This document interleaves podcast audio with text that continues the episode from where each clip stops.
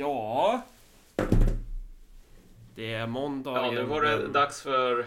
Ja. Ja, förlåt. Nu avbröt jag dig här. Ja, men det, vi är ju så jävla dåliga på att göra våra intron. Det är ingen som vet vad man ska Ja. säga. Det är måndagen den 14 februari klockan... Eh, nej, februari är fan inte. Måndagen den 14 januari är det. Klockan 13.33. Eh, och det, man har ju haft en sån där maraton med presskonferenser nu i riksdagen. Eh, gällande den här cirkusen som man håller på med. Eh, och det är väl det vi ska prata om nu. Ja, men precis. Alltså, därför att det som håller på att hända nu är ju extremt avgörande skulle jag säga. Inte så här att i det sättet som folk vill få det till att du vet okej, men nu är det så att den sista riddarna för, av Rohan går ihop för att skydda Helms Deep mot SD Orcher om SD, om det här inte går igenom då kommer SD att typ skicka Malcolm tjuven till gaskammaren. Utan den, det avgörande här är att nu börjar ju det här politiska urlakningen av allt innehåll, liksom all ideologiernas död håller ju på och går över i alltså, turboväxel just nu. Ja, och, och i synlig form. Eh, att Ja. Det är inte längre visioner som ställs mot varandra. Det är inte längre så, som den här goda liberalen kanske vill få det till. Ja, men det är ideologiernas kamp eller något sånt där. Utan nej, det är politikernas kamp mot varann. Det är, det är liksom nyadelätterna mot varandra. Och vad de säger betyder i praktiken ingenting. För att de tycker typ likadant. Det enda som är viktigt är bara att komma till makten och få få in sugsnabeln i köttgrytorna. Det är det som är det viktiga. Och det börjar manifestera sig mer och mer nu. Ja, men nu kommer ju den här uppgörelsen då i mitten mellan C, L, MP och S.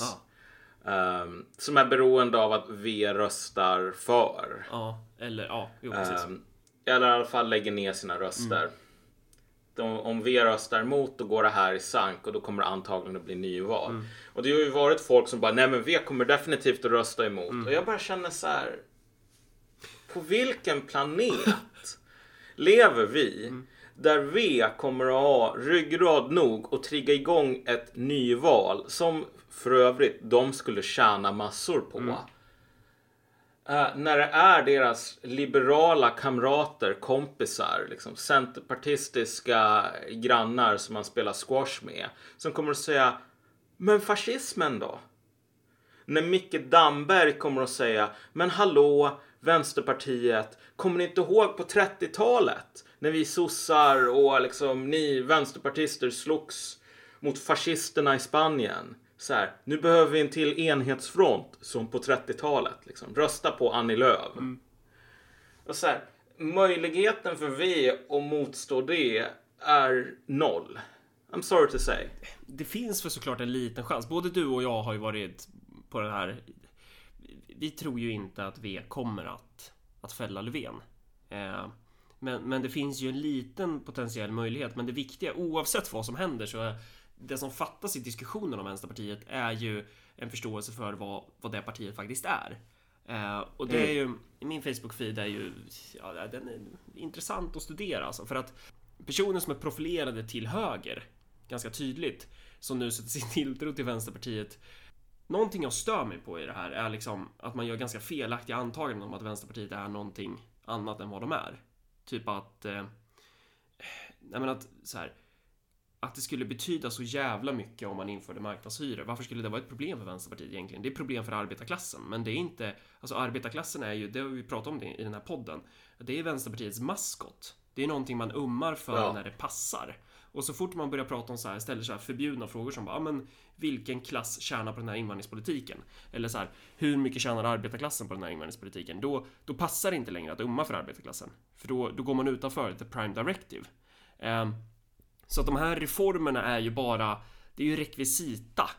Alltså det, det Ja. betyder, eller det är klart att det på ett sätt kan man ju säga att ja visst det betyder mycket och så här, men, men, men inte så pass mycket att de skulle faktiskt kunna fälla Löfven för det. Ja. Ja, men alltså, men som jag, när vi pratade i telefon igår tror jag det var. Så jag sa ju att det finns två partier som vars liksom, livsduglighet, interna funktion har liksom väldigt seriösa det finns väldigt seriösa implikationer i den här överenskommelsen för de två partierna. Så det är intressant att se hur de kommer att utvecklas. Och det är ju, det är ju sossarna och det är Vänsterpartiet. Och Vänsterpartiet är nästan lite mer intressant därför att om man ska använda det här, för vi måste verkligen göra det här. Sorry, det är liksom order på det. Men om man nu ska ta den här World of Warcraft-referensen mm. som jag tror alla lyssnare är sjukt jävla förvånade över att jag drar här.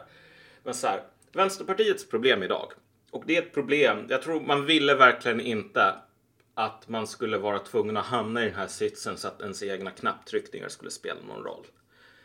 Det, den kulan hade man helst undvikit. Mm. Men, men nu, nu serverade sossarna upp det här. Och det är ett problem för Vänsterpartiet därför att Vänsterpartiet sover under lavan som sista bossen i Molten Core, Ragnaros the Firelord. Och jag vet inte varför, de sov, varför just han sover under lavan. Men det är för att typ återhämta massor med styrka som man har förlorat så här tidigare. Ja, det är så jävla dålig och, lore i WoW ändå så det... Ja, Men, ja. hur som helst så här, när man spelar WoW i Molten Core så håller man på att döda massor med typ elddrakar och eldhundar och massor med eldskit i Molten Core. Och sen så kommer man till sista bossen som blir väckt av hans så här, underhuggare. Det som man säger när han blir väckt är too soon, too soon executus. Liksom. Och sen så kan man besegra honom för att han blev väckt för, för tidigt och han har inte all sin kraft liksom, i behållning. Och vad har det här då med Vänsterpartiet att göra? Jo, alltså Vänsterpartiet, precis som du säger, arbetarna är en maskot. Mm. Alltså, man håller på långsamt, långsamt och går från ett parti som i någon mån hade arbetare som maskot också på 70-talet, men liksom på ett mer genuint intresserat ja, sätt. Alltså, de har ju haft en klassbas i arbetarklassen. Det ska man ju inte sticka under stolen. De var ju ett ja. parti som sprang ur arbetarklassen. Eh, ja, ja, sen så har men precis. Och det var... gått på kanske 50-60 år så har man ju sakta liksom tumt ut det här innehållet. Och redan på 70-talet ja. så fanns väl den konflikten där. Um... Så, så var det ju. Men samtidigt om du tänker dig alla de här medelklassmänniskorna ja, ja. som var med i Vänsterpartiet på 70-talet. Ja, men de var med för att de, okej okay, jag är medelklass men poängen är ändå liksom du vet föra arbetarklassens mm. intressen vidare. Mm. Så här. Alltså det fanns ändå någonting genuint i, i den uppfattningen, även om det fanns massor med problem. Men, men så här, man håller på att lämna den formen av vänsterparti bakom sig och så går man mot en ny form som är klasspolitik, ja. Mm. Alltså hårdare klasspolitik, ja. Men det är klasspolitik för medelklassen, för transferiatet, för folk som är beroende av bidrag. Um, och nu så är det som om sossarna är de där äventyrarna i Molten Core som väcker Vänsterpartiet innan den här förvandlingen är klar. Mm. Jag tror att om du hade gett det här en fem år så skulle det inte vara något större problem. Därför att då skulle man nog kunna sagt så här, vet du vad, marknadshyror, whatever. Mm. Um, ba arbetsrätt, är, vem fan bryr sig? Bara det finns så här miljöavdrag eller att, att man får in ja skrivning om mer, mer elcyklar ja. till liksom, den rika medel, liksom, den mer bemedlade medelklassen. Men nu finns det seriösa delar inom partiet som liksom går åt det hållet. Men man har inte gjort sig av med för det första alla de människorna som liksom var kvar sedan den tidigare tiden som liksom har en annan uppfattning om vad poängen man är. Man pratar fortfarande det här språket. Man pratar fortfarande ja. socialistiska i vissa delar av Vänsterpartiet. Eh, man kan fortfarande dra referenser, återigen så här, när det passar. Så kan man dra referenser till Ja men tänk på arbetarklassen, tänk på det här, ja men är det här rättvist? Ja, vi, ska, ska vi verkligen avreglera det här? Alltså det finns Det finns kvar, men det, men det tums mm. ju på innehåll för det finns ingen materiell bas för det längre. Det, det, är, bara, det är bara det här lösa och jag har väl, jag har väl ett öga riktat mot lite så här olika vänsterdiskussioner och liknande på nätet, lite på Reddit, på andra ställen. Sjukt att du orkar och det. Som man, ja, jag vet, jag vet. Men alltså en av de sakerna som man ser i de här, det är att hela tiden, och det kommer nya studier på det här från massor med olika länder, typ nya Labour, eller Labour under Corbyn blir mindre och mindre av ett arbetarparti. Uh, mer och mer av ett parti för medelklass, för studenter, för statstjänstemän, byråkrater och för invandrare. Så här. Människor som lever på bidrag, som kräver att en stat transfererar pengar som den uh, bär upp genom be beskattning. Så här. Och man ser de där nya studierna. Och de som beskattas är just arbetarklassen då? Så det är de som betalar? Ja, exakt. Men det som man ser hela tiden är ju nya studier. Ja, men här är det Labour. Här är det liksom det här partiet i Tyskland. Här är det här partiet i Frankrike och så vidare och så vidare. Alltså franska liksom, vänsterpartiet har exakt samma problem, till och med värre än Labour. Alltså att totalt renons på arbetare i princip. Och det som du börjar se är bara en sån här resignation. Alltså, ja, nej, men vadå, det är så här och det, är det kommer inte att ändras och det kanske till och med är bra att det är så här. För att jag menar, alltså det är sällan att man vågar säga bara bra, fuck arbetare. Men alltså, man säger inte gud vilken katastrof, där måste vi ändra på längre. Utan nu, nu möter man det bara med, med en axelryckning typ. Too soon. You have awakened me too soon, executors. När man sätter sin tilltro till Vänsterpartiet om att de ska fälla Löfven så ska man ha klart för sig vad det är för karaktär på det här partiet. Det här är inte ett parti som drar sin sitt existensberättigande och sin makt utifrån sin maskot. De drar det ju utifrån, ja, det sig själva i första hand, men också sen sin, sin kaderklass. Alltså det får betydelse för hur man eh, förstår hur det här partiet kommer att operera. Sen kan vi ju absolut ha fel. De, de kanske släpper, alltså de, de, kanske fäller Löfven. Jag vet inte vad jag sa nyss, om släppa eller fälla, men så här, de, de kanske släpper igenom. Eh, fan, jag kan inte prata. De, de kanske fäller Löfven. de kanske fäller Löfven. Eh, och så får vi fel här. Men då gör de ju det utifrån en annan kalkyl än, än det här med att de står upp för socialistiska ideal. Mm. Och det är viktigt att poängtera det för att och det är ju det som är så jävla störigt med om de skulle fälla Löfven för då skulle ju typ så här Chang Frick börja låta som Aktuellt Fokus kronikörer typ. Bara, fan, vad, fan vad bra av arbetarpartiet Vänsterpartiet att stå, stå upp för det här. Vilket, alltså det, det är så här helt inkorrekt. Ja, nej men exakt. Men det finns som sagt, det finns, man har lite grann av den här. Det, man är det här monstret i The Thing som inte riktigt har liksom smält hela den här hunden. Nej. Så det finns lite så här hundpäls och liknande bitar av den kvar. Um, alltså, det finns ett verkar det som ett ganska starkt tryck internt från folk som bara säger att nej men vi i Vänsterpartiet kan inte göra så här liksom fatta, alltså då har vi ju ingenting kvar. Men det är ju människor, de är fossiler som tänker så. Vänsterpartiet kommer att ha någonting kvar ett bra tag till och det är så här. Vi är partiet för människor på bidrag och som vill ha mer bidrag i termer av, jag vet inte vad, något sånt där konstutställning i, i Kista för att typ skjuta alla snutar. Liksom för att det är kolonialism och snutar. Alltså den sortens människor som tjänar pengar på det. Mm. Såg du Agenda igår eller? Det gjorde du inte va? Nej, det gjorde jag inte. Eh, kan du gissa vilken företrädare som, som Vänsterpartiet hade på plats för att diskutera det här? Suonen. ja, det var ju nära. För, för det är en kuggfråga, för det var ingen företrädare för Vänsterpartiet, utan det var den uteslutna ordföranden Lars Ohly. Eh, som, ja, just det. Och det är också talande, för han sitter då och pratar om att Vänsterpartiet kan inte finna sig i det här, utan Vänsterpartiet kommer... Eh, alltså, de måste ju fälla eh, Löfven. Det här är sån jävla förnedring och bla bla bla. Och bara den grejen att så här, de, de får inte ens dit en vänsterpartist som säger det. De, de ska ta den här personen som, han är för fan inte ens med i partiet. Mm. Nej men alltså, nej och det är att han inte är det längre. Jag menar, jag har, jag kan i princip inte säga någonting positivt om Ohly Liksom. Jag finner inte det inom mig. Men så här, han är, han är inte behövd på den vägen som partiet stakar ut för framtiden. Han är inte en jassig representant för människor som tjänar på globalismen. Han är inte en bra representant för människor som använder liksom den här poppis vänsterideologierna idag för att typ armbåga sig fram till mer bidrag från Ungdomsstyrelsen. Så, här. så han är, han är en bit skräp som de har kastat över relingen. Så här. Um, som bara tynger ner skeppet och gör det långsammare. Um, och och den, hela den här grejen. Men ja, men vet du vad Malcolm? Han blev ju metooad så här.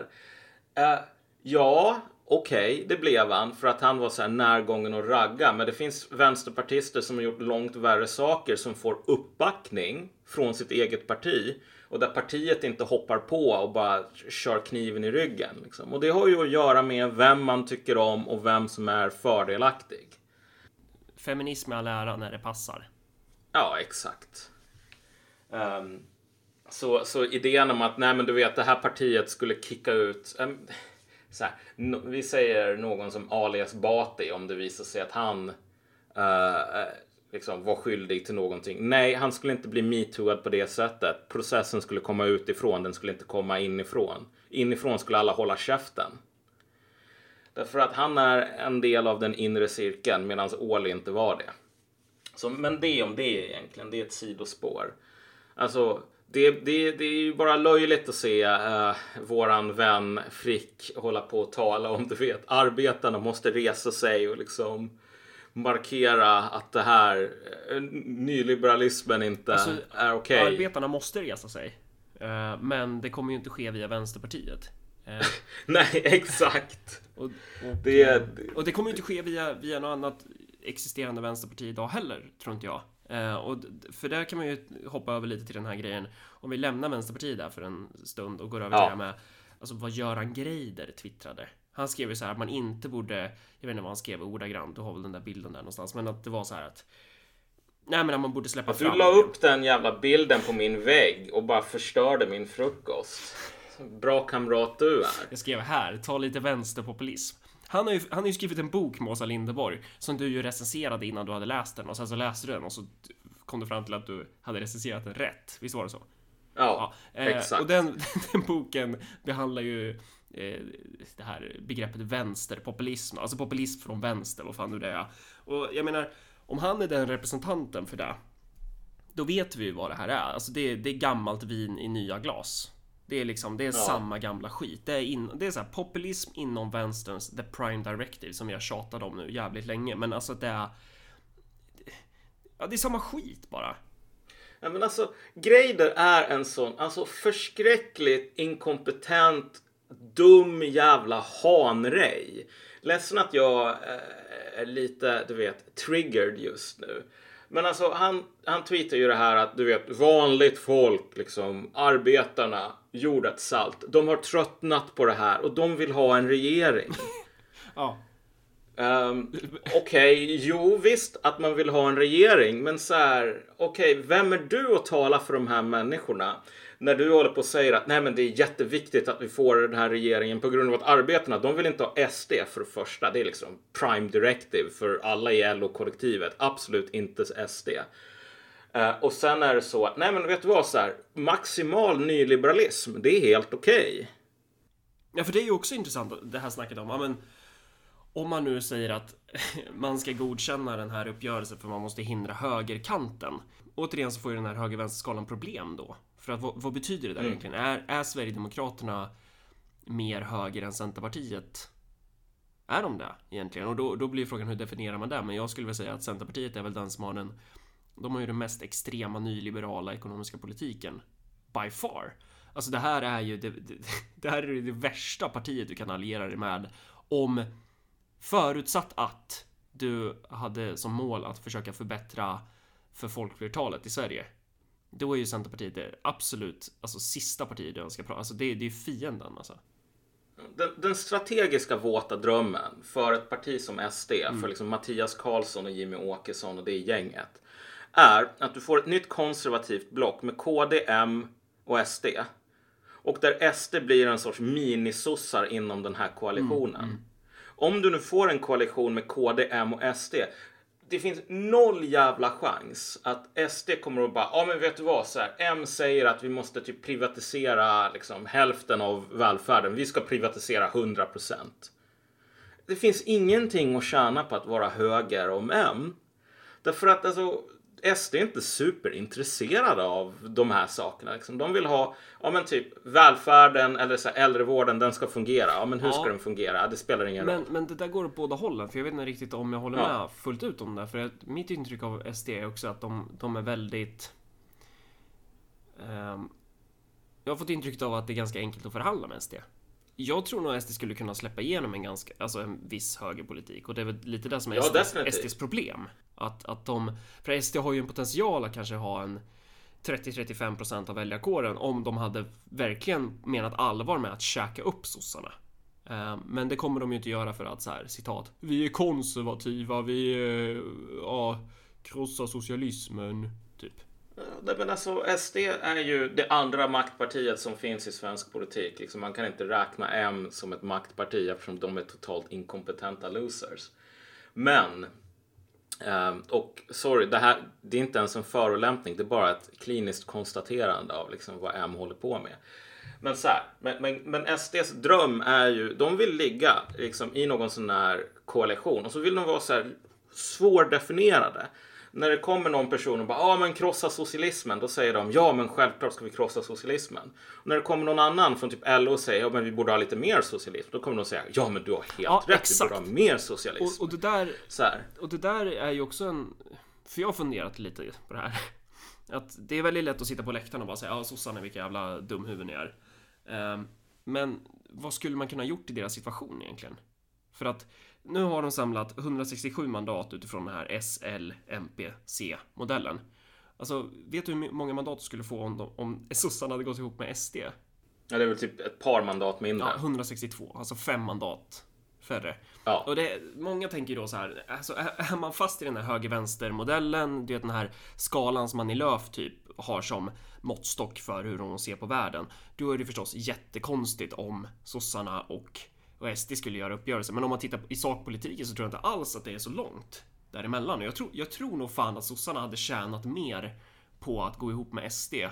Eh, så här, ja, bara, ni har fem områden som är viktiga för er. Det är invandring, det är sjukvård, det är äldreomsorg, det är brottsbekämpning och det är sammanhållning. Vad är det de behöver ge upp då? då? Okej, de behöver ha en stramare invandringspolitik. Ja, det kommer att orsaka typ så här konflikter inom de egna leden. Man kommer, det kommer bli krig med SSU-arna, väsentliga delar av dem. Ja, men vadå, good riddance. Eh, så här, tro och solidaritet eller vad fan den här skiten heter. Ja, men vadå, vad behöver vi dem till ens? Och sen typ så här vissa eh, skott in i de här invandrardiasporaföreningarna typ. Mm. Eh, samt typ alltså, kultureliten. Det, det... det är ju de man skulle liksom hamna i krig med. Men sen så, så här, om, om man Okej, okay, men vad, vad, vill ni i Sverigedemokraterna med sjukvården egentligen? SD skulle bara svara så här, ah, vi vill att den ska vara bättre. Jaha, ja. ja. Okej, har ni någon idé? Okej, okay, så, så, vi får bestämma ja. allting då eller? Ja. ja, så äldreomsorgen, vad vill ni där då? Äh, vi vill att den ska vara bättre. Så här, ni gör vad ni vill, bara den blir bättre. Det är i alla fall det intryck jag har eh, av, av liksom hur, för att så här, om man ser till SDs storlek, hur, hur, hur jävla stora de faktiskt är på nationell plan nu och se till deras krav. Och så jämför med till exempel typ så här Miljöpartiet eller så här Centerpartiet som bara så här de drar ju ut värsta maximalistiska listan nästan på ja. vad de vill ha igenom. Alltså det är nästan förnedrande förhandlingsteknik som de för sig med. Ja, alltså nästan. Det är ju det och det är nog menat att vara det också därför att det här är människor som totalt överskattar ja. liksom, vilken position de är i. Och grejen är den att så här, vad är, vilka är det man har bränt broarna med nu då? När man har gjort upp med Centerpartiet och Liberalerna. Jo, men det är ju ännu fler inom LO-kollektivet. Så man kommer definitivt behålla tro och solidaritet. Man kommer behålla SSU-gänget. De kommer vara lite sura på Twitter en vecka. Sen så kommer de ju prata om liksom, ja ah, men det här var för att stoppa Sauron, bla bla bla. Eh, och så kommer man ju få med sig kultureliten om två veckor igen. Eh, men de man tappar, det är ju den här... Det är ju folket. Det det är ju sån tydlig signal om gällande så här, vilka är sossarnas folk egentligen?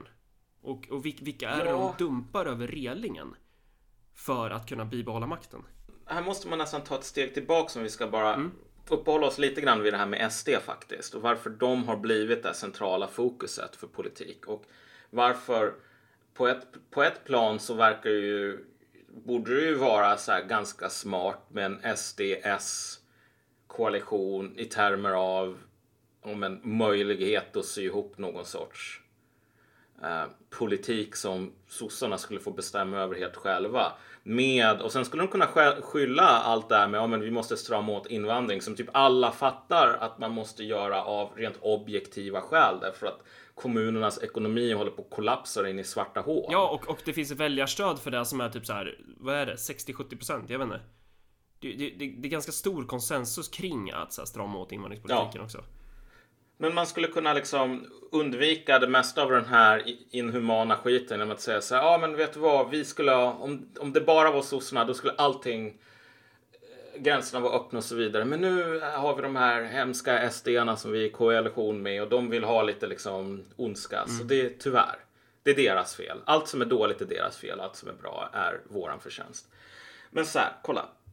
grejen med SD som är intressant och jag börjar liksom mina tankar här är fortfarande inte liksom 100% konkreta men så här SD är ett jätteenormt problem att samarbeta med. Inte taktiskt, inte strategiskt, utan verkligen alltså när folk skriver så här, det här är existentiellt.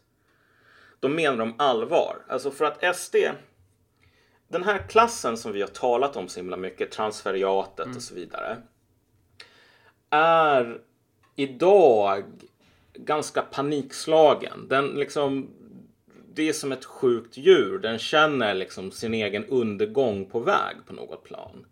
Men eftersom det här är libtards så kan man inte liksom placera orsaken i typ strukturomvandlingar. Vänta lite. När du säger transferiat, alltså den här klassen som vi har pratat om, det är dels transferiater men sen är det också alltså, mellanskikt som du menar nu. Ja, men precis. Men alltså, exakt, mellanskiktstransferiatet. Därför ja. att alltså, om du är mellanskikt, om du är journalist mm. eller någonting sådant Alltså du är ju mer beroende av bidrag än en liksom somalisk 11 mamma egentligen. Mm. Alltså din bransch du jobbar i kan inte funka utan alltså, att staten tar in pengar via skattsedeln och håller på att distribuera det.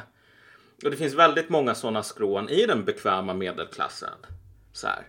så, att, så, så problemet är så här att det finns massor med strukturella förändringar som har med kapitalismen att göra som håller på att tränga de här människorna. Men eftersom man är liksom så investerad i, du vet att man är woke och du vet medveten och progressiv och så vidare. Så det är jättesvårt att lägga skulden hos liksom techjättar som Google när de håller på att typ importerar ingenjörsslavar från Kina för att typ dumpa marknaden. Men därför, men man upplever ändå att det finns ett hot och det hotet måste placeras hos pöbeln skulle jag säga. Hotet är från den här arga massan av män som är arga och missnöjda i avfolkningsorter, orter som Åmål och Västervik. Och de är en grå ansiktslös massa som om inte man håller liksom muren mot dem säkrad. Då kommer de att liksom invadera och överrumpla och liksom bränna ner civilisationen. Det är liksom barbarer. Och grejen är så här att Alltså den här rädslan är delvis är irrationell, men sen är den delvis också rationell därför att alltså ett parti skulle kunna totalt decimera hela den här klassen över en natt i regeringsställning. Mm. Skär ner på de här och de här anslagen till universiteten. Skär ner på pressstödet, skär ner på ditten och datten. Alltså, det är jättesvårt att liksom ta bort den ekonomin som består i att tillverka tandpetare och liksom Findus ärtor. Mm. Därför att det här är fortfarande en, en, en det här är ju liksom inom den kapitalistiska ekonomin där det finns en frivillighet där folk säljer sig för att bli exploaterade till liksom, människor som äger produktionsmedlen. Men liksom, du kan inte bara trycka på en knapp och få bort det därför att det behövs. Men du kan trycka på en knapp och få bort pressstödet. Du kan trycka på en knapp och få bort typ genusvetenskap i Sverige. Um, det finns inget underifrån och uppåt i den sortens ekonomi. Så att man är extremt rädd för att någon ska liksom få för sig att vara en representant för den här pöbeln. Och här har liksom SD på något plan liksom tvingats in i att spela rollen som just barbarledaren. Och visst, det har de ju på något plan ibland liksom jamat med i. De skulle ju kunna gjort det mycket. De har aldrig bett om att vara liksom den här ansiktslösa massan som hotar um, och bränna ner civilisationen på det sättet. Jag menar om du tänker dig, de flesta ingår i typ precis samma klasser som vi talar om. Men alltså den här instinktiva dödsrädslan för SD är så att säga materiellt betingad. Mm. Den är betingad i att vi har en klass som är ansatt av strukturförändringar men också alltså den kan försvinna över en natt. Liksom, och, och så här, Ungern, Polen ger lite fingervisningar om det. Hur, hur svag den är. Så att det här alltså om sossarna samarbetade med SD, då skulle hela den här klassen mobiliseras. Liksom alla tidningar, alla de här sossepolitikernas vänner skulle liksom säga upp kontakten med dem och så vidare. Alltså det skulle vara en konkret jävla klasskamp. Men ja, och då får man ju välja. Vad man, ja, det får man ju göra. Vad man så här. kör för bas. Och det är kanske inte så konstigt att sossarna har valt det de har valt. För jag menar så här, signalen till hela den här LO-pyramidspelet nu, det är ju så här, alltså Tovason sitter och liksom pratar om hur de inte kommer acceptera om sossarna typ går med på Centerpartiets krav. Ehm, men grejen är att det finns ju bara en knapp på LO-ledningens instrumentpanel och det är ju bara så här consent. Det är bara, bara att godkänna mm. vad sossarna gör. De har ju inget alternativ. De har, de har aldrig gjort något annat och de kommer ju aldrig göra något annat. Och sen så går ju det här ner på nivån att du hittar mer och mer bitterhet ju längre ner i LO-pyramiden du hamnar. Men där hittar du också färre makt. Eh, att det är liksom så här. De pissar ju på LO. De pissar ju på Hyresgästföreningen. Mm. De pissar på de här eh, fåtalet pensionärerna som är kvar och driver de här valrörelserna åt sossarna på de ställen där sossarna inte har köpt in professionella eh, konsulter typ. Ehm, och det, är de här människorna man kastar över relingen. Ehm, för att de betyder ingenting. De är, de, är, de, är, de är inte värda någonting för sossarna. Och det där är jätteviktig signal för för om det nu skulle vara så om det är några som planerar att bygga ett, ett parti som faktiskt vill fylla upp det här vakuumet som finns i svensk politik som SD inte fyller upp. Eh, som är, ja. men som SD har fått mycket gratis av och det är ju liksom att det finns en jättestark efterfrågan på ett parti som faktiskt kan tillvarata folkflertalets materiella intressen och föra någon. Nej, men exakt. Alltså, hur ska man uttrycka? Ja, men en renodlad svensk populism. Eh, som ju då troligtvis skulle hamna inom fältet vänstertann.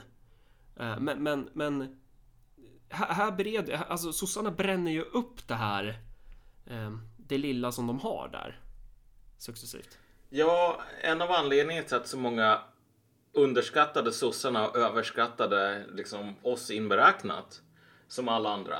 Eh, ehm, så att liksom man, man övervärderade SDs chanser och undervärderade sossarnas. Det var ju att mot slutet så kunde ändå den här maskinen som inte består av karriärister eller välbetalda konsulter på McKinsey eller eh, vad det nu kan vara. Den sortens maskineri, rostigt som det är, trasigt i vissa delar som det är, drog ändå igång. Mm, I valrörelsen. Men, exakt. Men du behöver, du behöver ha en politik för att kunna entusiasmera människor. Alltså de kommer inte att gå igång på frågan, nej men borde Annika Strandhäll köpa en sommarvilla i Nice istället för att Corazza Bildt ska köpa en i liksom Monaco. Ja, Monaco. Alltså, Monaco, sorry. Men, men alltså för uh, Ebba, 45, i Hyresgästföreningen. Det här är inte en fråga som man går ut i strid över. Det är bara en fråga för människor inom den här liksom övre professionaliserade sossehierarkin där det är så här, ja men vet du vad, om Strandhäll får en sommarvilla i Nice då kanske jag kan köpa en i Riveran nästa, liksom, nästa mandatperiod. De där pensionärerna går ju inte ut och kampanjar för maskinens skull utan de gör ju det för att Nej. det här som maskinen har sagt att den vill. Ja, men nu har vi korsat den här gränsen där förr i tiden, liksom för fem år sedan, mm den kritiken som man skulle rikta, som alla riktade mot sossarna som var liksom vänster, det var ju så här, ja men sossarna de har typ glömt sin själ. Det här är ju också den här Greider-mimen. du vet, sossarna, de vågar inte vara sossar. De vågar inte liksom föra sin politik på riktigt. Du vet att okej, okay, jag röstade på, det är så här, man går in på en restaurang och så beställer man en jävla fin stek för 500 spänn och den här steken är sossepolitik men så får man en varmkorv istället. Så um, och det är bara så här, man får inte riktigt lika mycket och lika bra som man ville ha. Det är det som är problemet med sossarna. Nu är det så här, nu finns det ingen jävla sossepolitik överhuvudtaget längre. Nu får du en tom tallrik och så bara, men ska det inte vara något innehåll på den? Bara nej. Du ska betala för den här tomma tallriken som det inte finns någonting på. Och du ska betala lika mycket som den här steken därför att du vet, kyparen har en jävla sommarvilla i Nice som han håller på och avbetalar på. Det, det, det har liksom blivit poängen. Så här. Nej, men vet du vad? Självklart måste jag rösta på Team Röd, socialdemokratin, som eh, genomför typ nyliberalism. Jag kan ju inte rösta på Team Blå. Jag menar, min, min, min familj har alltid varit på, på det röda laget, inte det blåa laget. Du vet, röd är en mycket finare färg. Ja, precis. Det betyder Alltså- ingenting. Det blir bara yta. Det blir bara så här. Det, det är politikernas kamp. Det är inte politikens kamp längre. Det är de här Ja. skalen vandrar vidare, men innehållet har förruttnat och bara tömts, försvunnit. Nej men exakt. Och det är liksom det så här. Du vet. Göran Greiders vänsterpopulism liksom, kommer inte att rädda någonting här. Uh, därför att ja, men det är bara att gå ut och kolla på vad, vad den, den tomten skriver på Twitter. Men så här. det- Problemet med den här sortens vänsterpopulism är ju att den är så extremt feg med att erkänna, den kan inte se sig själv i spegeln och säga att okej, men det här är ett politiskt projekt för oss i den här transferiatklassen. Så här. Det här är mellanskiktets projekt. Men det är ju det det är. Och det är också så här. Och vad, vad har den här mellanskiktet för inställning gentemot de vanliga arbetarna som man bryr sig så förskräckligt mycket om? Det är så här. Vi på Aftonbladets kultursida ska slå våra kloka huvuden ihop och så ska vi komma fram till vad ni egentligen vill ha. Och så ska vi driva det här, liksom, du vet, från toppen och nedåt, för det här är populism. Liksom. Att, att uh, rita en affisch med någon sån här göteborgare i keps som heter Glenn och bara det här vill Glenn ha. Och så liksom fyller folk i Stockholmsvänstern in så här saker som Glenn vill ha. Alltså populism kan inte funka på det sättet. Populism måste utgå ifrån att du låter människor säga till dig vad de tycker är intressant. Ehm, och sen så får du säga ah, tack för det här. Ja, nu är det bara upp till mig att implementera det. Då, liksom. Det är så här. Det är du som tar order. Det är inte du som ger order. Um, men men liksom det här missförståndet med vem som tar och ger order är ju egentligen inget missförstånd. Det är, man låtsas missförstå den poängen därför att man vill ha en renässans för ett projekt där de här arbetarna ska utgöra chocktrupper och få noll betalt för det. Åt de här eh, vänstertänkarna, den här eh, människorna som tillhör den här jävla klassen och inte kommer att lyfta ett finger som kommer att alienera dem från den. Uh, så, så liksom, eh, du vet. Den dagen så här, Göran Greider är en vänsterpopulist. Det är fan den dagen som jag typ klistrar fast fjädrar på armarna och typ går ner till ankdammen och alla ankorna bara ah shit, där kommer Malcolm. Han är en anka som oss. Liksom. Det är, så här, det är ungefär lika, det, det, det vore ungefär lika liksom trovärdigt att jag skulle simma runt med mina plastfjädrar på armen i Fyrisån och snacka om, jag vet inte vad ankor snackar och bara hänga med dem. Hello fellow ducks. Liksom. Som att Göran Greider skulle kunna leda en populistisk renässans för vänstern. Men det är det där som är det obehagliga. Att det finns ju olika aktörer som vill ta, ta ledningen där. Um, och så här, fine, gör det, men se då fan till att leverera.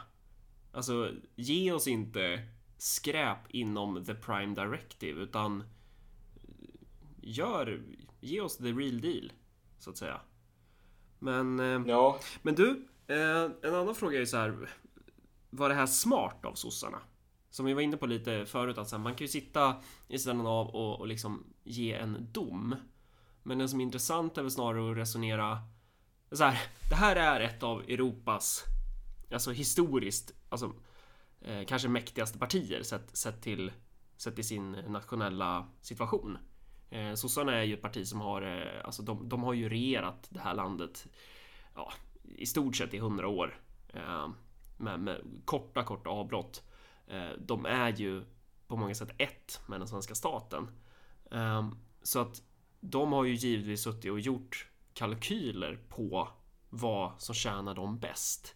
Eh, men det som är intressant med de här kalkylerna är ju vad det säger om det här partiet. Eh, För att när man gör den här avvägningen, man, man kastar de här ja, LO-väljarna över relingen så som man gör. ehm, det är ju liksom signalen. Vad är det som är viktigt för sossarna egentligen? Um, och det är väl typ att sitta på makten. Ja, men alltså det har ju varit lite så teorier som man har sett, bland annat från han Fågelklå. Klau, eller hur man nu uttalar det. Klo? Ja. Fågelklo. Ja. Att, att så här, du vet, alltså. Det här är 12-dimensionellt schack från sossarna. De ska lura in Centern och L i gå, liksom, dödförklara alliansen. Mm. Sen ska de sänka det här genom att liksom använda V som bulvaner. Um, och då kommer vi ha omval och då kommer sossarna säkert att tjäna, gå över 30% igen och så kommer L att åka ut. C kommer att vara redigt försvagade. Men så här, nej. Alltså ingenting tyder på att det, det var planen. Men, men någonting som stämmer är i alla fall att sossarna skulle ju troligtvis gå framåt i ett nyval. På så sätt hade de ju tjänat några mandat på det. Men då, då är det väl bara att komma till slutsatsen att det är inte det primära här, utan det primära är att komma in och ha makten. Eh, att det är så Ja. jävla, jävla, jävla viktigt för det där partiet.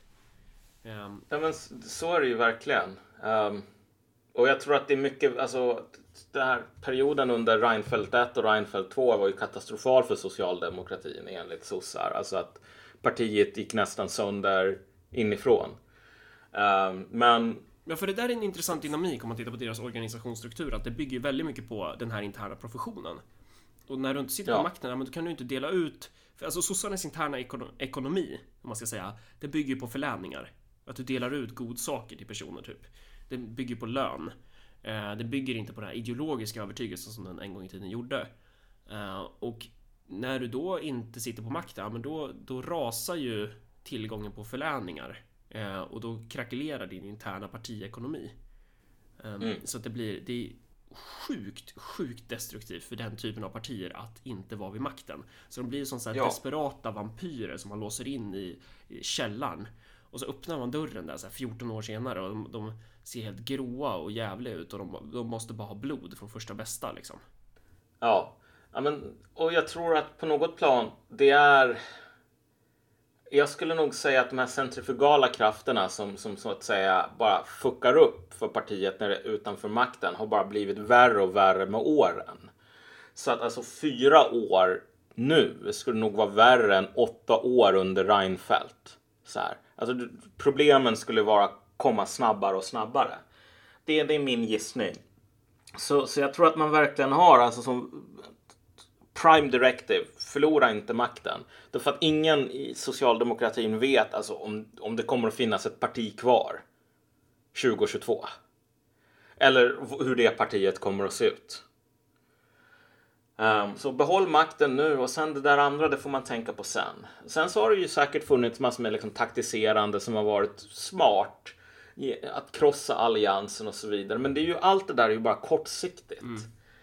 Att krossa alliansen är inte nödvändigtvis någonting som är bra för sossarna på lång sikt. Därför att, hör och häpna, alliansen var en jävla hämsko. Um, som, alltså, det bästa hade varit om alliansen hade funnits i tio år till. Men liksom lika värdelös och så här oförmågen att, oförmögen att göra någonting. Alltså, mycket mindre tyder på att om vi nu får det här konservativa blocket som man, man antagligen måste byta ut Ulf Kristersson för att få till stånd. Men om det skulle ske. Alltså det skulle inte vara en lika inkompetent fiende som alliansen var. Alliansen är den sortens fiende som du vet har möjlighet att fälla regeringen i fyra år och typ vägrar att göra det för, och vägrar att lägga fram en egen budget ens för då kommer den att vinna. Ja, eller varför skulle man rösta på sossarna? Va- varför ska man göra det? Det finns ju ingen anledning att, att så här ens stödja dem längre. För att, Nej, nej, men- De har ju verkligen men- så tappat, de har ju droppat allt nu, typ. Ja, alltså kolla. Jag tror att de har ju, det här är kanske lite grann den här sista förtöjningen till någon sorts materiell politik. Och liksom fyra år till, flera av sossarnas kärnväljare kommer att ha dött. Liksom. Um, och sen så kommer det vara de nya sortens väljare som har noll jävla skäl att vara lojala mot sossarna. För sossarna har aldrig gett någonting till dem som de gav till de här människorna på äldrevårdshemmen nu som gjorde att de var lojala resten av livet. Så här, om du är en jävla zoomer på 19 år som sitter hemma och spelar Fortnite. Det är så här, de har inte um, och de är inte intresserade heller av liksom, att försöka bygga en, en, en ny, ny, ny kull av liksom, lojala soldater. Så, det, så bara rent strukturellt, liksom, den här sekulära trenden ligger i att de kommer att bli mindre. Men, men jag tror att det kommer att bli mycket mer tvära kast framöver. Dels på grund av att vi går mot en period med ekonomiska kriser, men sen på grund av att det inte finns någonting som förankrar dem i någon sorts ideologisk jord längre överhuvudtaget. Det är en stor skillnad. Alltså det, det är en stor skillnad på att kunna som typ någon sån här snubbe som skriver i Proletären bara säga ja men vet du vad det här är inte en, en, en, en, en gedigen arbetarklasspolitik om man verkligen ser ideologiskt teoretiskt. Okej okay, fine. Det där har man kunnat rikta mot sossarna i hundra år. Man har i alla fall vetat vad deras politik är. I någon mån. Men nu finns det ingen. Det är tomt. Det spelar ingen roll. Liksom, sossarnas poäng är att sitta och lyfta lönekuvert. Um, och men, men, men med det sagt så tror jag att sossarnas taktik, eller deras, om de har en strategi så är den mer eller mindre alltså individcentrerad vid den här punkten. Det är nog få som har en strategi som är, till skillnad från SD, där strategerna i den mån de finns, och det är väl en ganska stor mån, de tänker så här, hur gör jag partiet starkare? Och sen är det självklart, hur tjänar jag mer pengar och alla de sakerna. Men alltså det här kollektiva projektet, det som är större än enskilda individer eller grupper av individer. Det är det man planerar för i första hand. Jag tror att i sossarna, den strategiska planeringen som finns, det är så här den här avbetalningsplanen på den här villan på Rivieran alltså. Så här. Eh, fyra år till i regeringen, sen sex år av konsultande.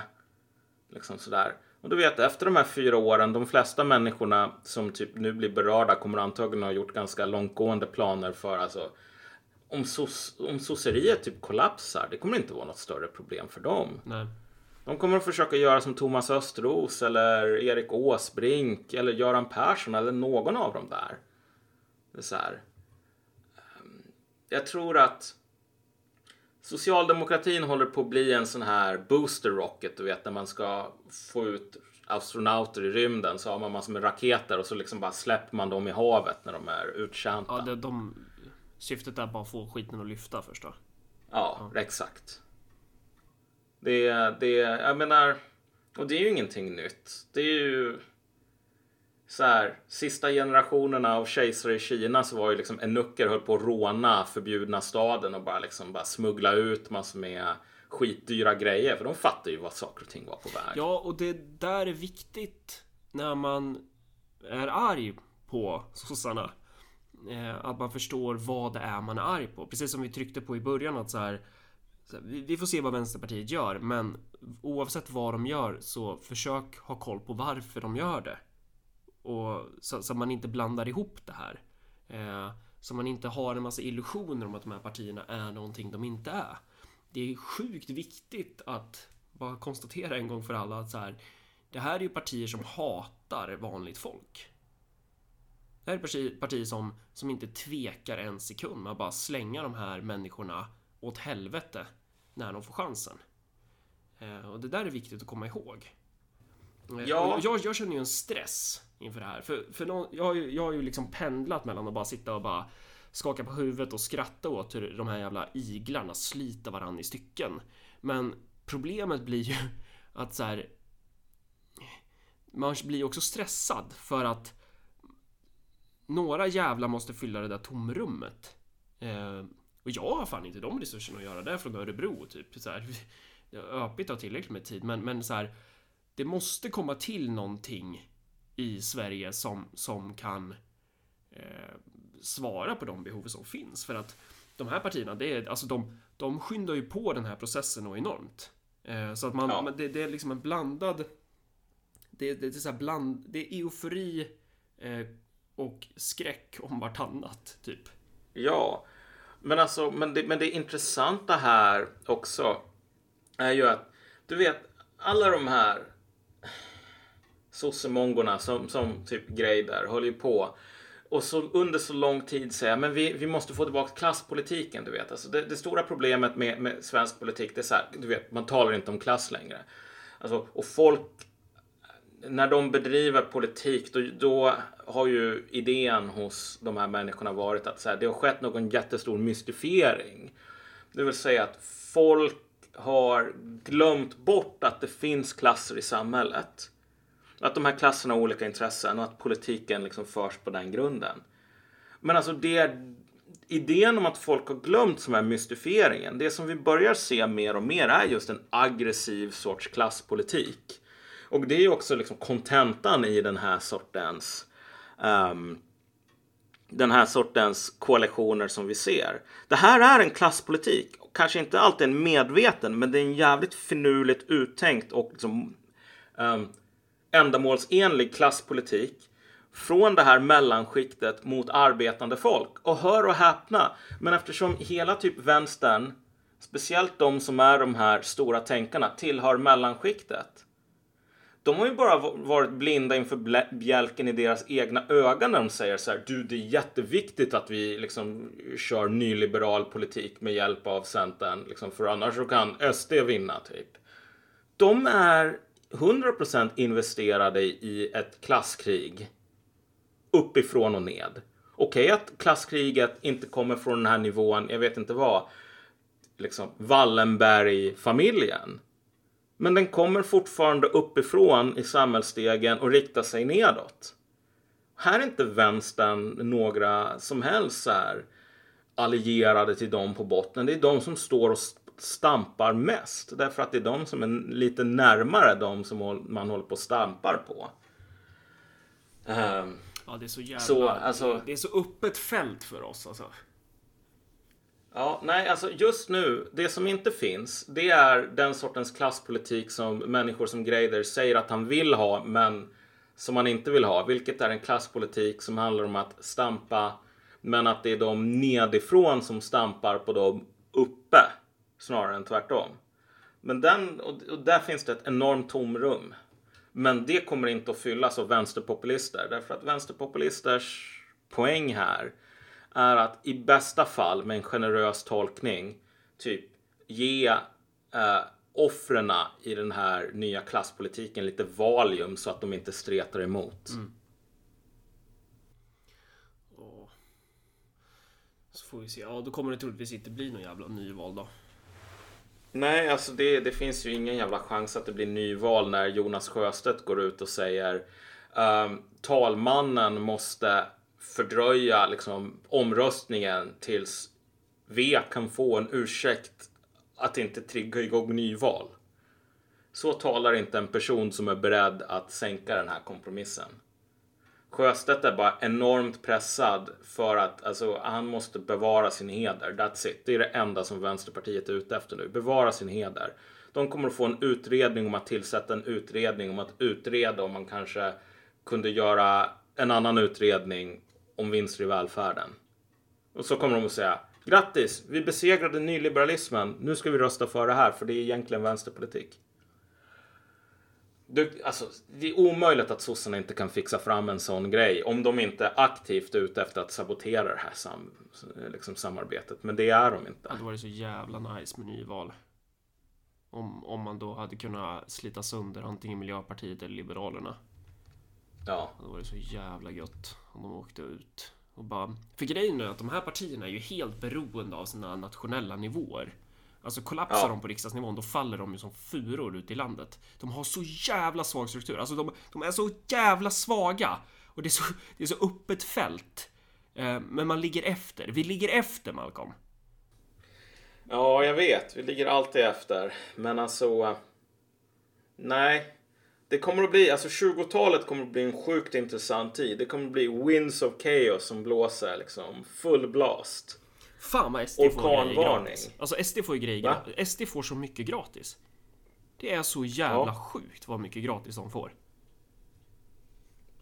Alltså, jo men Jimmy Åkesson sa ju nu att ja, ja. okej, okay, nu kommer vi att vara de som tar kampen om de här arbetarna um, som typ sossarna överger. Mm. Och då kommer självklart alla de här idioterna på vänsterkanten som bara är de här alltså, lydiga jävla soldaterna. Mm. Bara, "Ah, nej men vet du vad, ni arbetare, ni fattar inte att så här, eh, frihet är, är slaveri. Mm. Eh, ehm, ni fattar inte att så här, marknadshyror och avskaffad arbetsrätt och allting sånt. Det är egentligen bättre än en person som säger nej men jag kommer inte att införa marknadshyror.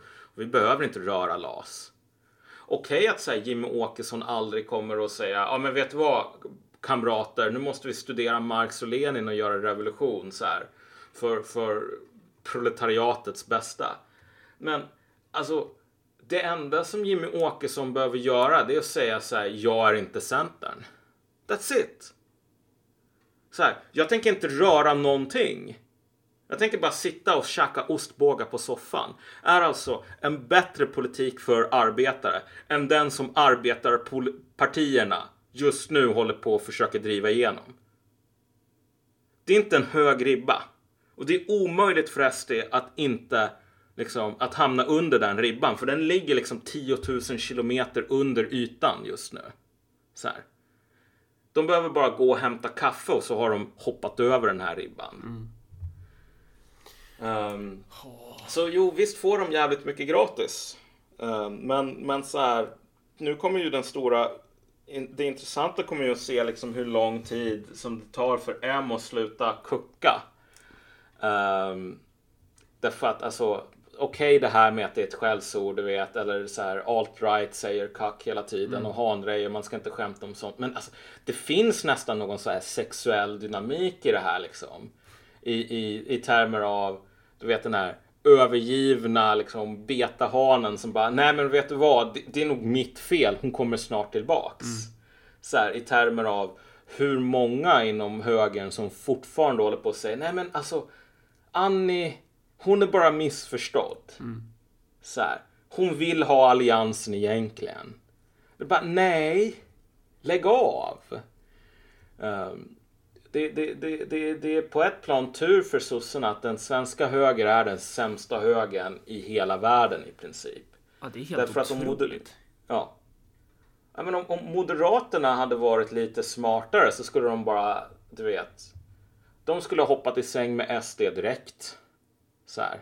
Och så skulle de ha gjort det nu när SD är beredda att sälja sig jävligt billigt. Liksom så här, hej, typ ge oss lite bekräftelse att vi finns och typ ta den här invandringspolitiken som typ alla förutom MP och C fattar behövs.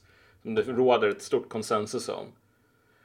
Eh, men de kommer att ha sina liksom uppslitande strider också över det här. För att alltså, min poäng är ju att det här grejen med SD och det är inte SDs eget fel, det är inte SDs egen förtjänst, men de har just nu blivit navet i den pågående liksom, stora klasskonflikten i våra västerländska samhället efter liksom, murens fall. Och Moderaterna är ett parti som i väldigt stor mån också talar till den här mellanskiktsklassen. Och den mellanskiktsklassen vill ha en jävligt hög nolltolerans mot SD. Därför att de vill ha en jävligt hög nolltolerans mot allting som kan liksom uh, på något plan hota d- deras makt. Du vet den här du vet den här fabeln Törnrosa? Törnrosa föds ju. Och sen så är, kommer ju någon sån här ond fe med en profetia om så här, att hon kommer att sticka sig eh, på något vasst föremål och så kommer hon att liksom somna in i hundra år. Och den här kungen vill ju undvika det så han typ förbjuder alla vassa föremål i hela riket. Alltså det är den attityden som den här medelklassen har gentemot SD på ett plan. SD är ett vasst föremål som är farligt, inte i sig, liksom, det är bara en jävla synål. Men det är farligt för att det finns liksom en profetia som säger att det här kan liksom orsaka massor med trubbel om, om, om olyckan verkligen är framme. Um, så det är därifrån de här tendenserna som typ flera, inklusive massor med borgerliga debattörer har poängterat att politiken handlar ju mycket mer nu idag om ett så här krig från politikernas krig mot den egna befolkningen. Nu är det så här 25% av befolkningen som är liksom persona non grata som måste liksom isoleras i någon så här spetälskekoloni. Det kommer antagligen vara 30 Ja. nästa val. Kanske till och med 35 som resterande politiker kommer att försöka gå ihop för att isolera. Ja, och där har vi det ju. Det är ju vad den representativa demokratin har utvecklats till. Att det har gått från att vara en harmoni mellan folk och politiker, folk och representanter, till att vara en konflikt. Mm. Att man... eh, Och det handlar ju om klass. Så det är... Men, alltså, men, men, men det värsta är ju att alltså med, om ni tänker oss tillbaks till Törnrosa, Mm. hon blir ju till slut stucken. Ändå. Alltså alla kungens försök, nästan hejda, skynda bara på det. Och alla de här försöken att utropa ett krig mot den egna befolkningen så att de kan hålla fingrarna borta mot anslagen till public service ungefär. Alltså när väl de här barbarerna river ner den här dörren så kommer det inte att finnas ett jävla dugg kvar. kommer det inte att finnas ett dugg kvar av um, det här transferiatet eller liksom viljan att subventionera dem. Om, om de faktiskt lyckas utkämpa den här striden i tio år till. Man kommer bara skära ner på allting. Och liksom dumpa den här klassen. För det är inte en klass som egentligen behövs. Det behövs människor som arbetar. Det har det alltid behövts. Och sen så behövs det människor, eller Alltså det dyker alltid upp sådana människor med stora påkar som slår arbetare i huvudet och typ tar delar av deras arbete för att de är bra på att slåss. Så här. Det är de två klasserna som alltid har funnits i historien. Medelklassen har funnits lite då och då. Den har dykt upp och så har den försvunnit. Och den har alltid, den har liksom ett sorts nästan ett i DNA ett minne av hur enkelt det är för den att försvinna. Och jag skulle nog säga att mycket av den politiska utvecklingen liksom förklaras av den här in, inneboende terrorn inför Och, och den möjligheten. därmed inte sagt att en massa yrkesgrupper Alltså man vill ju ha en variation av väldigt många yrkesgrupper men För när man pratar om att medelklassen försvinner då pratar man ju inte bara om att Yrkesgruppen i sig kommer minska eller någonting sånt utan det är också yrkesgruppens status och ställning Ehm, Eller hur? Till Ja, exempel jo, Alltså journalister kommer ju finnas i ett annat samhälle. Men journalisterna Ja, kommer definitivt. vara liksom sitta och, och framför sin skärm hemma och skriva på typ nyheter idag eh, och klara av att ja, men göra minst lika bra jobb som någon person som sitter och skriver typ eh, tio gånger så segt på en statssubventionerad sajt. Eller som typ inte ens gör någonting. Ehm, så att men, men vad fan tänkte jag? Det känns som vi har typ tömt ut lite kring det här nu. ja, Ehm, ja, vi kan sätta punkt så här. får vi se vad vi får. Det ska också sägas att vi har eh, två timmar och 45 minuter lagrat material som jag ska gå igenom gällande det här med eh, ja, könsalienation var ju temat. Vi får se vad, vad det kommer ut för avsnitt av det. Eh, Det blir ju troligtvis mer än ett då. Om jag inte kastar allt. Kanske det blir så. Kanske jättedåligt. Eh, Så ska jag försöka få ut det här innan. När är de röstar? Det är den 16 va? Det är, det är, ons, det är om två dagar. Mm. Såvida inte Ja. talmannen går på Sjöstedts linje då. Skjuter upp allting. Alltså herregud. My God. Vilken... Vi, vi, alltså, vi, du vet, där, så här, Vänsterpartiet får världens jävla chans att typ visa att de inte är liksom totala dörrmattor. Um, och massor med vänstersossar i ett nyval och typ antagligen eliminera en av sina politiska fiender, Liberalerna, typ totalt från politiken. Vad kommer de att göra? De kommer att säga Yes Queen Annie. Bara, bara vi får liksom 100 kronor mer i glasögonbidrag så här, så Yes Queen Annie liksom. Mer nyliberalism så här. Det, det, det här är partiet som aldrig missar en chans och missar en chans. Men vi kan ju ha fel. Det kan ju vara så att att de fäller Löfven och det blir nyval. Vi får se. Alltså, alltså för fan, herregud. Då kommer jag säga någonting positivt om V i podcasten Marcus och Malcolm. Så här, Mm. Men då säga, du vet, jag är imponerad. Bra jobbat. Då ska man ha klart för sig varför de gör det. Och varför, alltså så att man inte blandar ihop de här jävla korten. Jag, vet, jag har ju Ja. redan ont i huvudet över hur det kommer låta ifall Vänsterpartiet fäller Löfven. Ja, nej men visst, men så här fäller de, triggar Vänsterpartiet igång nyval, alltså fan då, då är de värda respekt. Men så här, det här är inte ett parti som är värt respekt. I'm sorry to break it to you. Uh, jag kan ha fel, men du vet, eftersom jag är så jävla eh, smart och har rätt om allting, eller i alla fall har rätt om saker som är garanterade. De kommer inte att göra det liksom. Fucking bet you one million liksom. Ingen chans att det blir nyval. Mm. Så, jag vill ha fel på ett plan liksom. För att det skulle vara riktigt kul. Men alltså. Nej, nej. Shit alltså. Oh. Det vore det sjukaste som någonsin hade hänt svensk politik. Nej. Nej. Jo, typ att vi har en ryggrad i ett kritiskt läge. Liksom. Har det någonsin hänt? Ja, fast... Ja. Gör de De kommer ju bara göra det här om Stefan Löfven ringer upp Jonas Sjöstedt säger Jo, eh, låt oss, låt oss, eh, låt, låt oss fälla mig själv. Låt, låt oss eh, rösta för nyval. Då, då kommer Jonas Sjöstedt göra det. Annars så kommer det ju inte hända. Ja, okej okay då, okej okay då. Jo, men en gång en dörrmatta, alltid en dörrmatta. Ja. Ja, ja, vad fan. Hur som. vi får se. Ja, då på återseende säger vi. Hej då. Ja. Hej då.